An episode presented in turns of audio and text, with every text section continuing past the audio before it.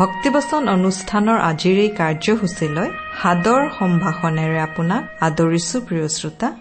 প্ৰিয় শ্ৰোতা ভক্তিবচন অনুষ্ঠানৰ আজিৰ এই শিক্ষা শুনিবলৈ আপোনাৰ বহুমূলীয়া সময় খৰচ কৰাৰ বাবে ধন্যবাদ।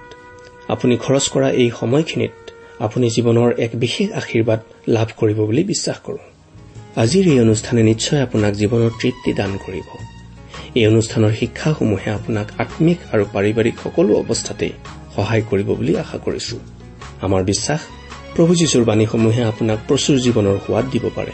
তেওঁৰ বাক্যই আপোনাক জীৱনৰ সকলো পৰিস্থিতিত থিৰে থাকিবলৈ আৰু উন্নতিৰ পথেৰে অগ্ৰসৰ হবলৈ সহায় কৰিব।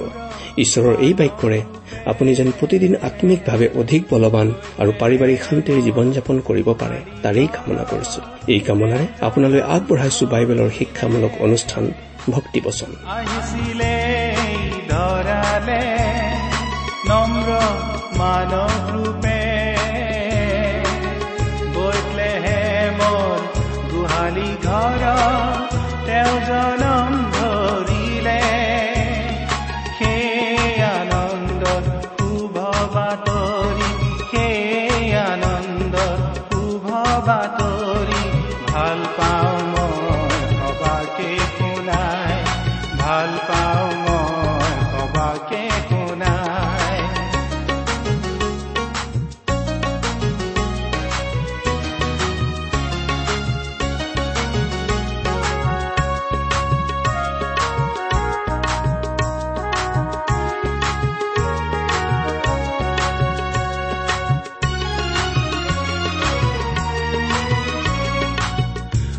পাপৰ গধুৰ বুজাব তেওঁ কান্ধতে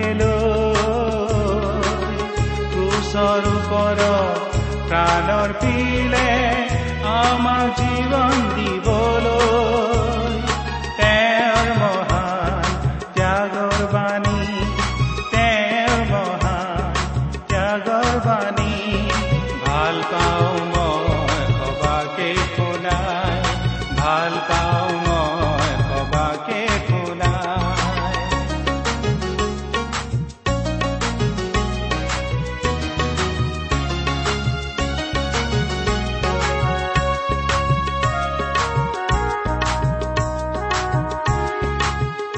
আমাৰ মহান ত্ৰাণকৰ্তা প্ৰভু যীশুখ্ৰীষ্টৰ নামত নমস্কাৰ প্ৰিয় শ্ৰোতা। আশা কৰো আপুনি ভালে কুশলে আছে। প্ৰিয় শ্ৰোতা আপুনি বাৰু আমাৰ এই ভক্তিবচন অনুষ্ঠানটো নিয়মিতভাৱে শুনি আছেনে? এই অনুষ্ঠান সম্বন্ধে আপোনাৰ মতামত আদি জনাই আমালৈ চিঠি পত্ৰ লিখিছেনে বাৰু? অনুগ্ৰহ কৰি আজি এই দুখাৰিমান লিখি পঠিয়াবচোন। আহকচোন আজিৰ বাইবেল অধ্যয়ন আৰম্ভ কৰাৰ আগতে খন্তেক প্ৰাৰ্থনাত মূৰ দুৱাওঁ। আমি প্ৰাৰ্থনা কৰো। স্বৰ্গত থকা অসীম দয়ালু কৰুণাময় পিতা তোমাৰ তুলনা নাই তোমাৰ প্ৰেম তোমাৰ কৰুণা তোমাৰ অনুগ্ৰহৰ কথা আমি বৰ্ণনা কৰি শেষ কৰিব নোৱাৰো। প্ৰভু যীশুৰ যোগেদি তুমি আমালৈ যি অনুগ্ৰহ দেখুৱালা তাৰ বাবে তোমাক অশেষ ধন্যবাদ পিতা। এতিয়া আমি তোমাৰ মহান বাক্য বাইবেল শাস্ত্ৰ অধ্যয়ন কৰিবলৈ আগবাঢ়িছো। তোমাৰ বাক্য তুমিয়েই আমাক বুজাই দিয়া। এই অনুষ্ঠানৰ আৰম্ভণিৰ পৰা শেষলৈকে তুমিয়েই আমাৰ চলাওঁতা হোৱা। অনুষ্ঠান শুনি থকা প্ৰতিজন শ্ৰোতাৰ জীৱনত তোমাৰ মহান অনুগ্ৰহৰ আশীৰ্বাদ প্ৰকাশ পাই উঠিবলৈ দিয়া। কিয়নো এই প্ৰাৰ্থনা আমাৰ মহান ত্ৰাণকৰ্তা প্ৰভু যীশুখ্ৰীষ্টৰ নামত আগবঢ়াইছো। আহমেন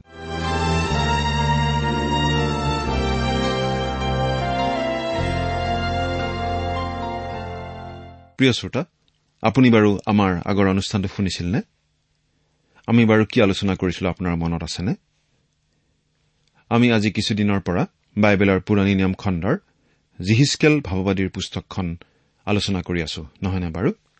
যোৱা অনুষ্ঠানত আমি এই জিহিচকেল ভাৱবাদীৰ পুস্তকৰ আঠ নম্বৰ অধ্যায়ৰ চাৰি নম্বৰ পদলৈকে আমাৰ আলোচনা আগবঢ়াইছিলো। আজি আমি এই আঠ নম্বৰ অধ্যায়ৰ পাঁচ নম্বৰ পদৰ পৰা আমাৰ আলোচনা আগবঢ়াব খুজিছো। আপুনি আপোনাৰ বাইবেলখন মেলি লৈছেনে বাৰু? আমি এতিয়া আঠ নম্বৰ অধ্যায়ৰ পাঁচ নম্বৰ পদটো প্ৰথমতে পাঠ কৰি দিম। তেতিয়া তেওঁ মোক কলে হে মনুষ্য সন্তান তুমি চকু তুলি উত্তৰ ফাললৈ চোৱা। তাতে মই উত্তৰ ফাললৈ চকু তুলি চাই যজ্ঞবেদীৰ বাট চৰাৰ উত্তৰ ফালে প্ৰৱেশ স্থানত সেই অন্তৰ্জালা মূৰ্তি দেখিলো। প্ৰিয় শ্ৰোতা আমি ইতিমধ্যেই ইয়াৰ আগৰ অনুষ্ঠানত আলোচনা কৰিছিলো যে জিহিচকেল ভাৱবাদীক ঈশ্বৰৰ আত্মাই বাবিল দেশৰ পৰা জিৰচালেমলৈ লৈ আহিছিল আৰু তেওঁ জিৰচালেমৰ মন্দিৰৰ সেই দৰ্শন পাইছিল। এতিয়া ইয়াত তেওঁ এইটো দেখিছে যে মন্দিৰটো অপবিত্ৰ হৈছিল। মানুহবোৰে প্ৰকৃত জীৱন্ত ঈশ্বৰক উপাসনা কৰিবলৈ এৰি দিছিল আৰু মানুহবোৰে আচলতে ঈশ্বৰৰ দহ আজ্ঞাৰ প্ৰথম আজ্ঞা দুটাই ভংগ কৰিছিল কাৰণ তেওঁলোকে প্ৰতিমা পূজা কৰিবলৈ আৰম্ভ কৰিছিল। ছয় নম্বৰ পদ। পাছে তেওঁ মোক কলে হে মনুষ্য সন্তান লোকবিলাকে কি কৰিছে তাক তুমি দেখিছানে? মোৰ পবিত্ৰ স্থানৰ পৰা মই আঁতৰ হবৰ নিমিত্তে ইছৰাইল বংশই যিবোৰ বৰ বৰ ঘীনলগীয়া কাৰ্য কৰিছে সেইবোৰ তুমি দেখিছানে? কিন্তু তুমি আকৌ ইয়াতকৈও আৰু বৰ বৰ ঘীনলগীয়া কাৰ্য দেখিবলৈ পাবা। ইছৰাইলৰ সন্তানবিলাকে যে ঈশ্বৰলৈ পিঠি দিয়া ঘীনলগীয়া কৰ্ম কৰিছে সেই কথাটো ঈশ্বৰে দেখুৱাই দিছে। সাতৰ পৰা ন নম্বৰ পদ। এইবুলি তেওঁ মোক চোতালৰ বাট চৰাৰ দুৱাৰৰ ভিতৰলৈ লৈ গলত মই চাই দেৱালত এটা বিন্ধা দেখিলো। তেতিয়া তেওঁ মোক কলে হে মনুষ্য সন্তান দেৱাল খানা। তাতে মই দেৱাল খানিলত এখন দুৱাৰ দেখিলো তেওঁ মোক আৰু কলে তুমি ভিতৰলৈ গৈ তেওঁবিলাকে তাত কৰা ঘীনলগীয়া দুষ্কৰ্মবোৰ চোৱা। জিহিচকেলে যদি কেৱল আত্মা হিচাপেহে সেই ঠাইলৈ গৈছিল তেওঁকনো তেনেহলে এটা বিন্ধাৰে কেনেকৈ চুচৰি সোমাই যাবলৈ কৈছিল? আত্মাই এটা বিন্ধাৰে কেনেকৈ খান্দিব পাৰে? তেওঁ যদি আত্মাৰূপত আছিল তেনেহলে তেওঁৰ বাবে বিন্ধা এটাৰ প্ৰয়োজন নহলহেঁতেন। আমি ভাবো যে জিহিচকেলক শাৰীৰিক অৱস্থাতেই তালৈ লৈ যোৱা হৈছিল। তেওঁ শাৰীৰিকভাৱেই তাত উপস্থিত হৈছিল। তেওঁ এটা গাঁত খান্দিছিল আৰু সেই গাঁতৰ ভিতৰত তেওঁ কি দেখিবলৈ পাইছিল? তাতে মই ভিতৰলৈ গৈ চাই দেখিলো সকলোবিধ উৰগ জন্তুৰ আৰু ঘীনলগীয়া পশুৰ প্ৰতিমূৰ্তি আৰু ইছৰাইল বংশৰ প্ৰতিমাবোৰ চাৰিওফালে দেৱালত কটা আছে। মানুহবোৰে সৃষ্টিকৰ্তা ঈশ্বৰক উপাসনা কৰিবলৈ এৰি দি সৃষ্ট বস্তুক উপাসনা কৰিবলৈ ধৰিছিল। মানুহ ইমান তললৈ নামি যাব পাৰে। প্ৰকৃত আৰু জীৱন্ত ঈশ্বৰক একেবাৰে প্ৰত্যাখ্যান কৰিলেহে মানুহ এনেকুৱা পৰ্যায়লৈ নামি যাব পাৰে। আৰু ঈশ্বৰলৈ পিঠি দিলে মানুহৰ অৱস্থা এনেকুৱাই হয়। যাত্ৰা পুস্তকৰ দিনত মিছৰ দেশতো মানুহবোৰে ঠিক এই কামেই কৰিছিল। মিছৰীয়া মানুহবিলাকে সকলো ধৰণৰ জীৱ জন্তুবোৰক পূজা কৰিছিল। সেইকাৰণে যেতিয়া ঈশ্বৰে মিছৰ দেশলৈ উপদ্ৰৱবোৰ আনিছিল তেতিয়া সেই দেৱতাবোৰৰ বিৰুদ্ধেই আচলতে সেই উপদ্ৰৱবোৰ আনিছিল।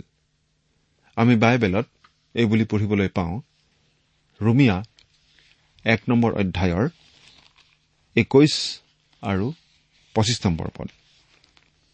পাঠ কৰি দিছো।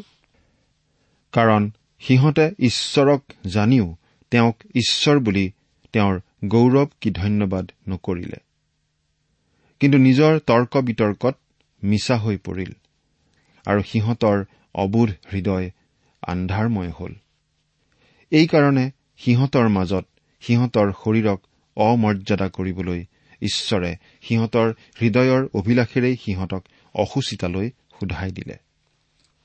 ইয়াৰ অৰ্থ এইয়ে যে ইছৰাইল জাতিও তেওঁলোকৰ চাৰিওফালে থকা আন আন জাতিবোৰৰ পৰ্যায়লৈ নামি গৈছিল। ইছৰাইল জাতি আৰু জীৱন্ত আৰু প্ৰকৃত ঈশ্বৰৰ সাক্ষীস্বৰূপ হৈ থকা নাছিল। সেইকাৰণেই ঈশ্বৰে মন্দিৰ ধ্বংস কৰিব বুলি জনাইছিল। এঘাৰ আৰু বাৰ নম্বৰ পদ।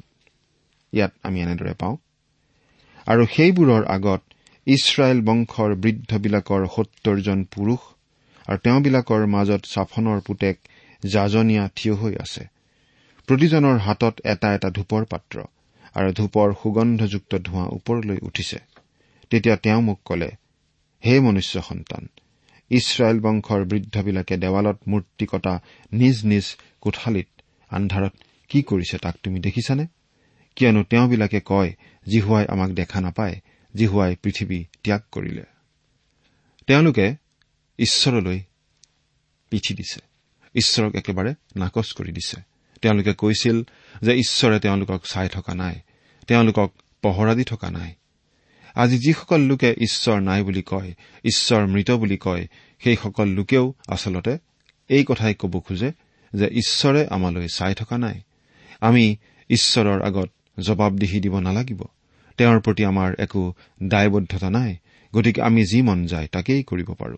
আৰু ঠিক একেই ভাবিছিল সেই ইছৰাইলীয়া লোকসকলে। তেওঁলোকে সেই প্ৰতিমাটোকেই নিশ্চয় উপাসনা কৰি আছিল আৰু তেওঁলোকে সেই কামটো কৰি আছিল গোপনে। সেই মন্দিৰত নিশ্চয় গোপনে সেই প্ৰতিমাটোৰ উপাসনা চলিছিল। প্ৰিয় শ্ৰোতা ইয়াৰ পৰা আমি বাৰু কি শিকিবলগীয়া আছে? বাইবেলত আমাক এই কথা শিকাইছে যে প্ৰতিজন খ্ৰীষ্টীয় বিশ্বাসীৰ শৰীৰটোৱেই আজি ঈশ্বৰৰ মন্দিৰ। আমাৰ অন্তৰত আমাৰ দেহত আমাৰ শৰীৰত যি কাৰ্যকলাপবোৰ চলি আছে সেইবোৰৰ দ্বাৰা ঈশ্বৰ বাৰু সন্তুষ্টনে? এইটো নিশ্চয় চিন্তা কৰিবলগীয়া বিষয় আৰু গুৰুত্বপূৰ্ণ বিষয়। তেৰৰ পৰা পোন্ধৰ নম্বৰ পদ। তেওঁ মোক আৰু কলে তুমি আকৌ তেওঁবিলাকে কৰা ইয়াতকৈও আৰু বৰ বৰ ঘীনলগীয়া কাৰ্য দেখিবলৈ পাবা। পাছে তেওঁ জিহুৱাৰ গৃহৰ উত্তৰ ফালৰ বাট চৰাৰ দুৱাৰমুখলৈ মোক নীলত মই দেখিলো সেই ঠাইত তিৰোতাবোৰে বহি তম্মুজৰ নিমিত্তে কান্দি আছে। তেতিয়া তেওঁ মোক কলে হে মনুষ্য সন্তান তুমি দেখিছানে? তুমি এইবোৰতকৈও আৰু বৰ বৰ ঘীনলগীয়া কাৰ্য দেখিবলৈ পাবা। পাছে তেওঁ মোক জিহুৱাৰ গৃহৰ ভিতৰ চোতাললৈ নীলত মই দেখিলো। জিহুৱাৰ মন্দিৰৰ দুৱাৰমুখত বাৰাণ্ডা আৰু যজ্ঞবেদীৰ মাজত জিহুৱাৰ মন্দিৰৰ ফাললৈ পিঠি দি আৰু পূব ফাললৈ মুখ কৰি পঞ্চাছজনমান মানুহে সূৰ্যৰ আগত প্ৰণিপাত কৰিছে। তিৰোতাবোৰে বহি তম্মুজৰ নিমিত্তে কান্দি আছে। এইটো আচলতে অতি দুখ লগা ঘটনা ঘটিছিল। তম্মুজ মানে আচলতে বাবিলনীয়া ডুমুজি আৰু ডুমুজি হৈছে বসন্তকালৰ শস্যৰ দেৱতা। সেই দেৱতা প্ৰতিবছৰ শীতকালত মৃত্যুমুখত পৰে আৰু পাতাললৈ নামি যায় আৰু পুনৰ জীৱিত হৈ আকৌ উভতি আহে। এই দেৱতাৰ উপাসনা চলিছিল ফিনিকিয়াত আৰু ক্ৰমে গ্ৰীক দেশলৈ বিয়পি গৈছিল। গ্ৰীক দেশত আচলতে ডুমুজিৰ নিচিনা আন এটা দেৱতা আছিল এডনিছ নামেৰে। এই কান্দি থকা তিৰোতাবোৰে আচলতে এই দেৱতাজনৰ মৃত্যু পালন কৰি আছিল। এই দেৱতাৰ উপাসনা আচলতে প্ৰকৃতি উপাসনা আৰু এই উপাসনাৰ লগত জড়িত হৈ আছিল কিছুমান অতি ঘীনলগীয়া আৰু অনৈতিক আচাৰ আৰু ৰীতি। সকলোতকৈ ভয়ংকৰ ঘীনলগীয়া কাৰ্যটো আছিল এই সূৰ্যক পূজা কৰা কাৰ্যটো। এই কামটো ঠিক মন্দিৰতেই হৈ আছিল চোতাল আৰু বেদীৰ মাজভাগতে। এই কথাটো আমি ষোল্ল নম্বৰ পদত ইতিমধ্যে পঢ়িলো। তেওঁলোক সঁচাকৈয়ে অতি তললৈ নামি গৈছিল। সোতৰ নম্বৰ পদ। তেতিয়া তেওঁ মোক সুধিলে হে মনুষ্য সন্তান তুমি ইয়াক দেখিছানে? ইয়াত যীহুদা বংশই যি যি ঘীনলগীয়া কাৰ্য কৰিছে সেই সকলো কাৰ্য জানো তেওঁবিলাকলৈ লঘু বিষয়।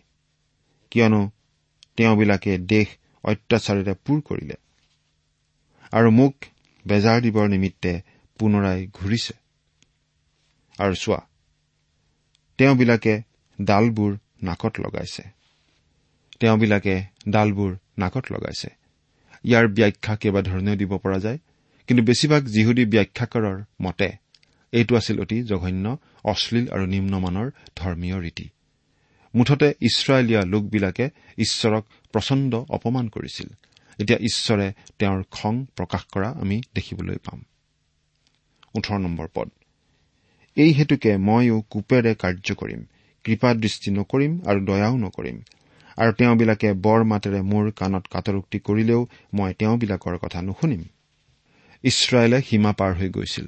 তাতকৈ আৰু তললৈ তেওঁলোক যাব নোৱাৰে। এতিয়া ঈশ্বৰে তেওঁলোকক দণ্ড দিব। প্ৰিয় শ্ৰোতা ঈশ্বৰে আমাক প্ৰেম কৰে আৰু আমাক দণ্ডৰ পৰা বচাব বিচাৰে। যদিহে আমি তেওঁলৈ বিশ্বাসেৰে আহোঁ যীশুখ্ৰীষ্টক আমাৰ ত্ৰাণকৰ্তা আৰু প্ৰভু বুলি গ্ৰহণ কৰি। ঈশ্বৰে বিচাৰে আমি তেওঁলৈ অহাটো। কিন্তু ঈশ্বৰে বিচাৰো কৰে কাৰণ তেওঁ পবিত্ৰ আৰু ন্যায়বান ঈশ্বৰ। আৰু সেই কাম কৰিবলৈ তেওঁ দুখ প্ৰকাশ কৰিব নালাগে। কাকো তেওঁ যুক্তিও দিব নালাগে। পৌলৰ নিচিনাকৈ আমিও ক'ব পাৰোঁ তেন্তে আমি কি ক'ম? ঈশ্বৰত অধাৰ্মিকতা আছেনে? এনে নহওক। ৰুমিয়া ন নম্বৰ অধ্যায়ৰ চৈধ্য নম্বৰ পদ। ঈশ্বৰে যি কৰে সকলো ধাৰ্মিক হিচাপেই কৰে। তেওঁ ধাৰ্মিক বিচাৰ কৰে ন্যায় বিচাৰ কৰে। আৰু সেই বিচাৰত কোনো ভুল নাথাকে। এতিয়া আমি ন নম্বৰ অধ্যায়লৈ আগবাঢ়ো। এই ন নম্বৰ অধ্যায়ত আমি কি পাওঁ? জিৰচালেমৰ মন্দিৰ ত্যাগ কৰিবলৈ ঈশ্বৰ জিহুৱাৰ চাকিনা গৌৰৱ প্ৰস্তুত হোৱাৰ কথা আমি এই অধ্যায়টোত পাওঁ। উত্তৰ দিশৰ পৰা ওপৰ বাটচৰাৰ ফালৰ পৰা অহা মানুহ ছজন কোন আছিল বাৰু? তেওঁলোক সৰগৰ দূত হোৱাত বাদে আন কোনো হ'ব নোৱাৰে। কাৰণ জগতৰ সুধবিচাৰ কৰাত ঈশ্বৰে সৰগৰ দূতসকলক ব্যৱহাৰ কৰে। ইছৰাইল জাতিটোৰ সৈতে সৰগৰ দূতসকলৰ সদায় ওতঃপ্ৰোত সম্বন্ধ আছিল। কাৰণ তেওঁৰ মনোনীত জাতি ইছৰাইলৰ ক্ষেত্ৰত বহু কামত ঈশ্বৰে সৰগৰ দূতসকলক ব্যৱহাৰ কৰিছিল। তিনি নম্বৰ পদত কোৱা হৈছে কেনেকৈ ঈশ্বৰৰ সেই উজ্জ্বল গৌৰৱ ঈশ্বৰৰ গৃহৰ পৰা গুচি যাবলৈ যুঁজা চলাইছিল। ঈশ্বৰৰ গৃহত পাপাবৰণটোৰ ওপৰত দুইফালে কৰূপ দুটা থাকে। তাৰ ওপৰতেই ঈশ্বৰৰ গৌৰৱ ৰৈ আছিল। এতিয়া তাৰ পৰা ওপৰলৈ উঠি যাবলৈ প্ৰস্তুত হৈছিল।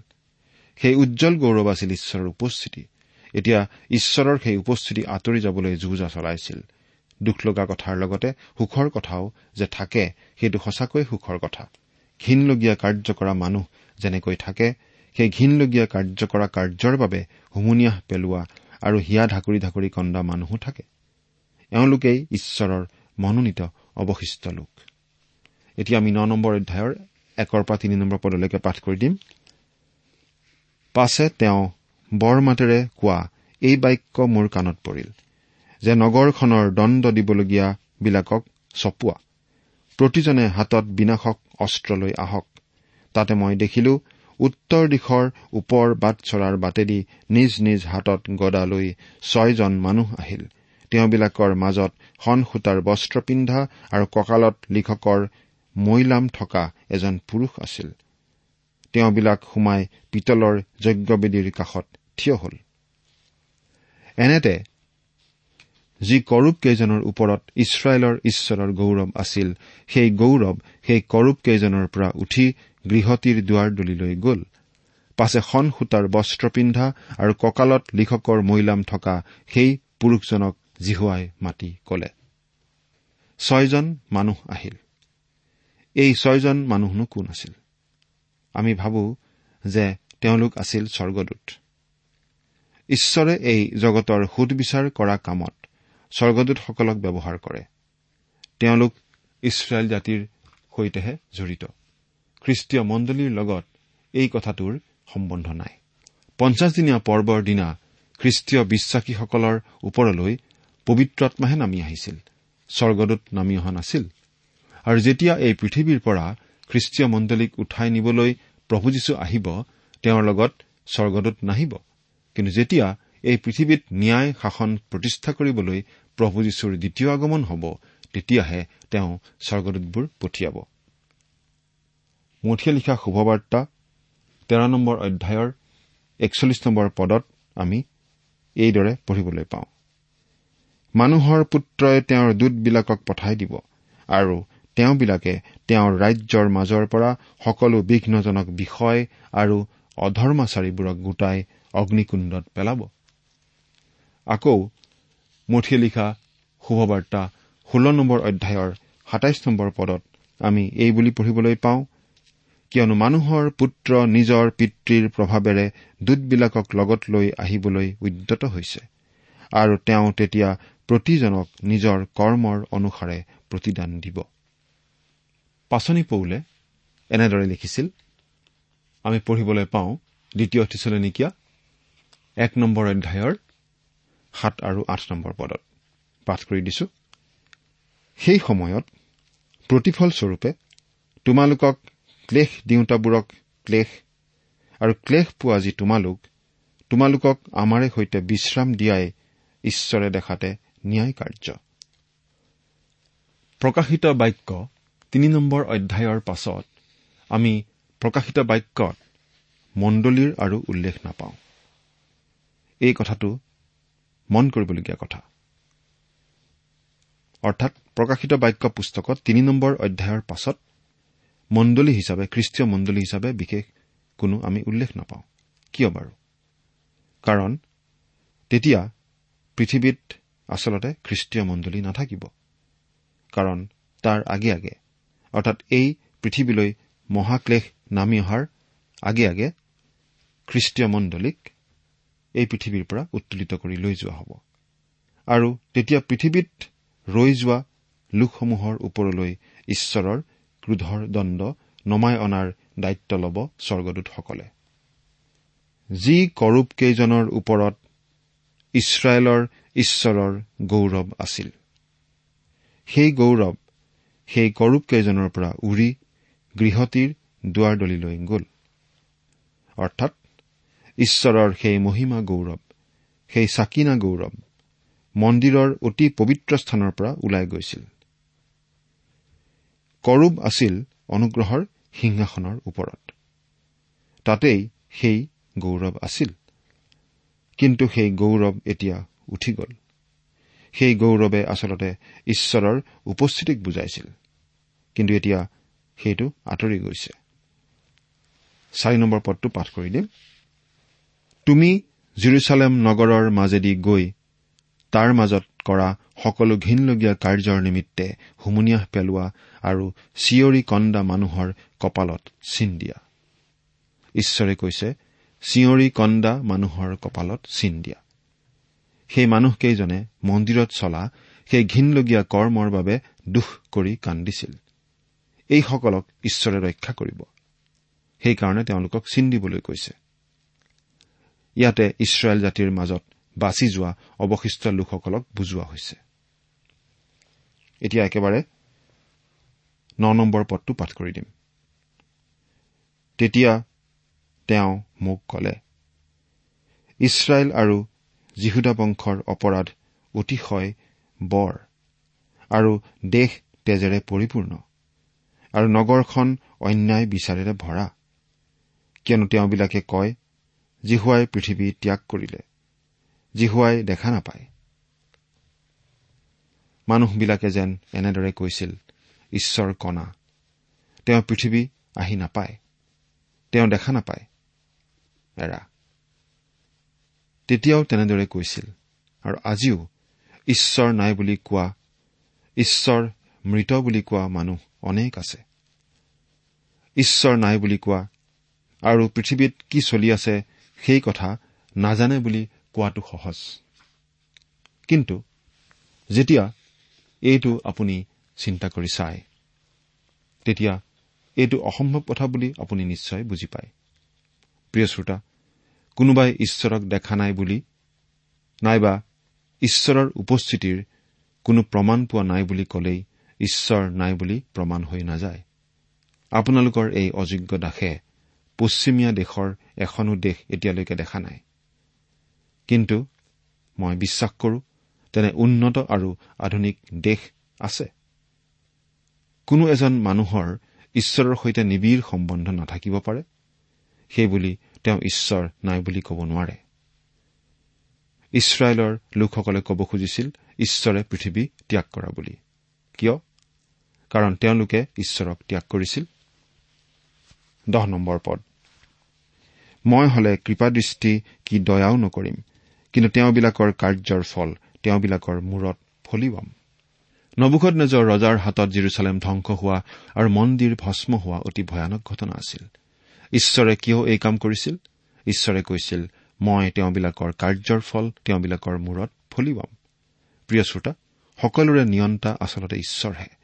যদি আপুনি তেওঁৰ খোজত খোজ নিদি আঁতৰি গৈছে পুনৰ তেওঁৰ খোজত খোজ মিলোৱা ভাল হ'ব। আপুনি যদি ইচ্ছা কৰে ঈশ্বৰক অৱজ্ঞা কৰি তেওঁৰ কথা নামানি চলিব পাৰে। কিন্তু ঈশ্বৰৰ ক্ৰোধৰ আগত পৰাৰ সমান ভয়ংকৰ কথা জানো থাকিব পাৰে? এঘাৰ নম্বৰ পদ। পাছে চোৱা সন সূতাৰ বস্ত্ৰ পিন্ধা আৰু কঁকালত মৈলাম থকা সেই পুৰুষজনে তুমি মোক হুকুম দিয়া মতে মই কৰিলো এই বুলি বাৰ্তা দিলেহি। ইছৰাইল জাতিৰ সকলো লোক ধ্বংস হোৱা নাছিল। কিছুমান লোকৰ ওপৰত ঈশ্বৰৰ দণ্ড নামি আহিছিল কিন্তু কিছুমান লোকক ঈশ্বৰে বচাইছিল। তেওঁলোকক চাব মাৰি দিয়া হৈছিল। আমাৰ ঈশ্বৰ কৰুণাময়। যি মানুহে তেওঁৰ পৰা কৰুণা বিচাৰে সেই কৰুণা পাব পাৰে।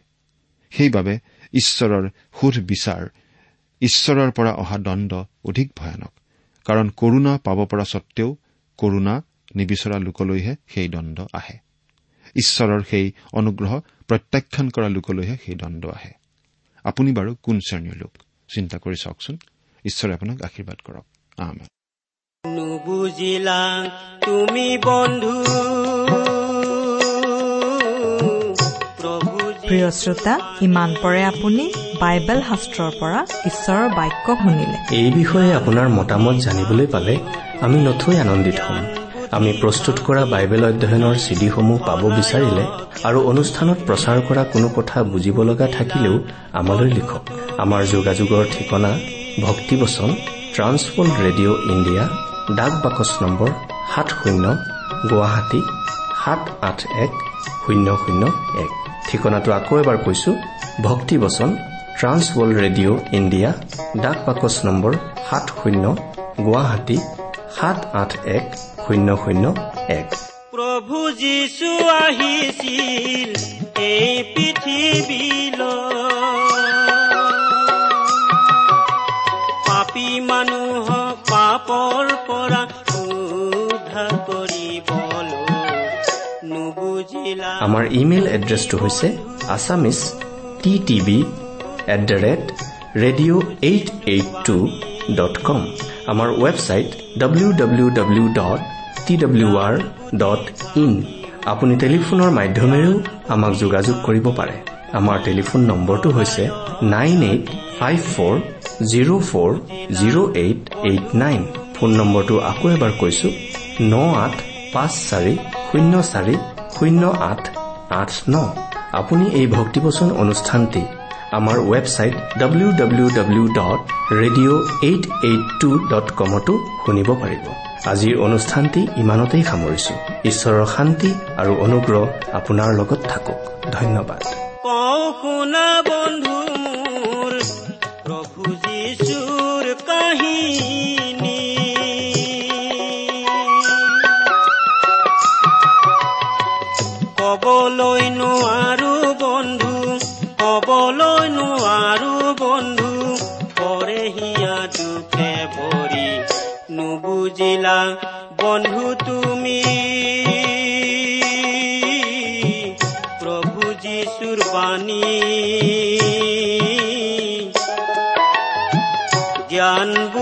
থাকিও তুমি জ্ঞান বুদ্ধি থাকিও তুমি হলায় জ্ঞানী হে নুবুজিলা বন্ধু তুমি।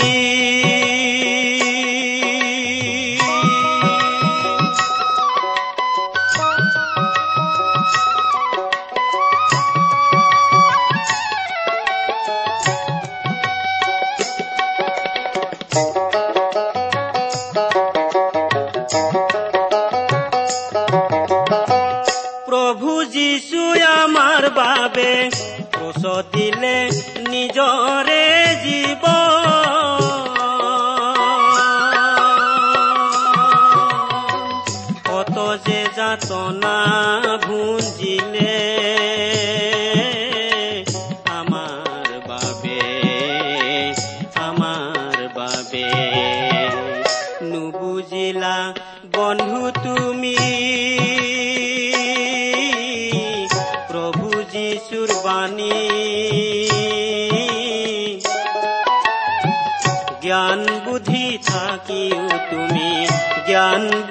থাকিও তুমি হলায় জ্ঞানী হে।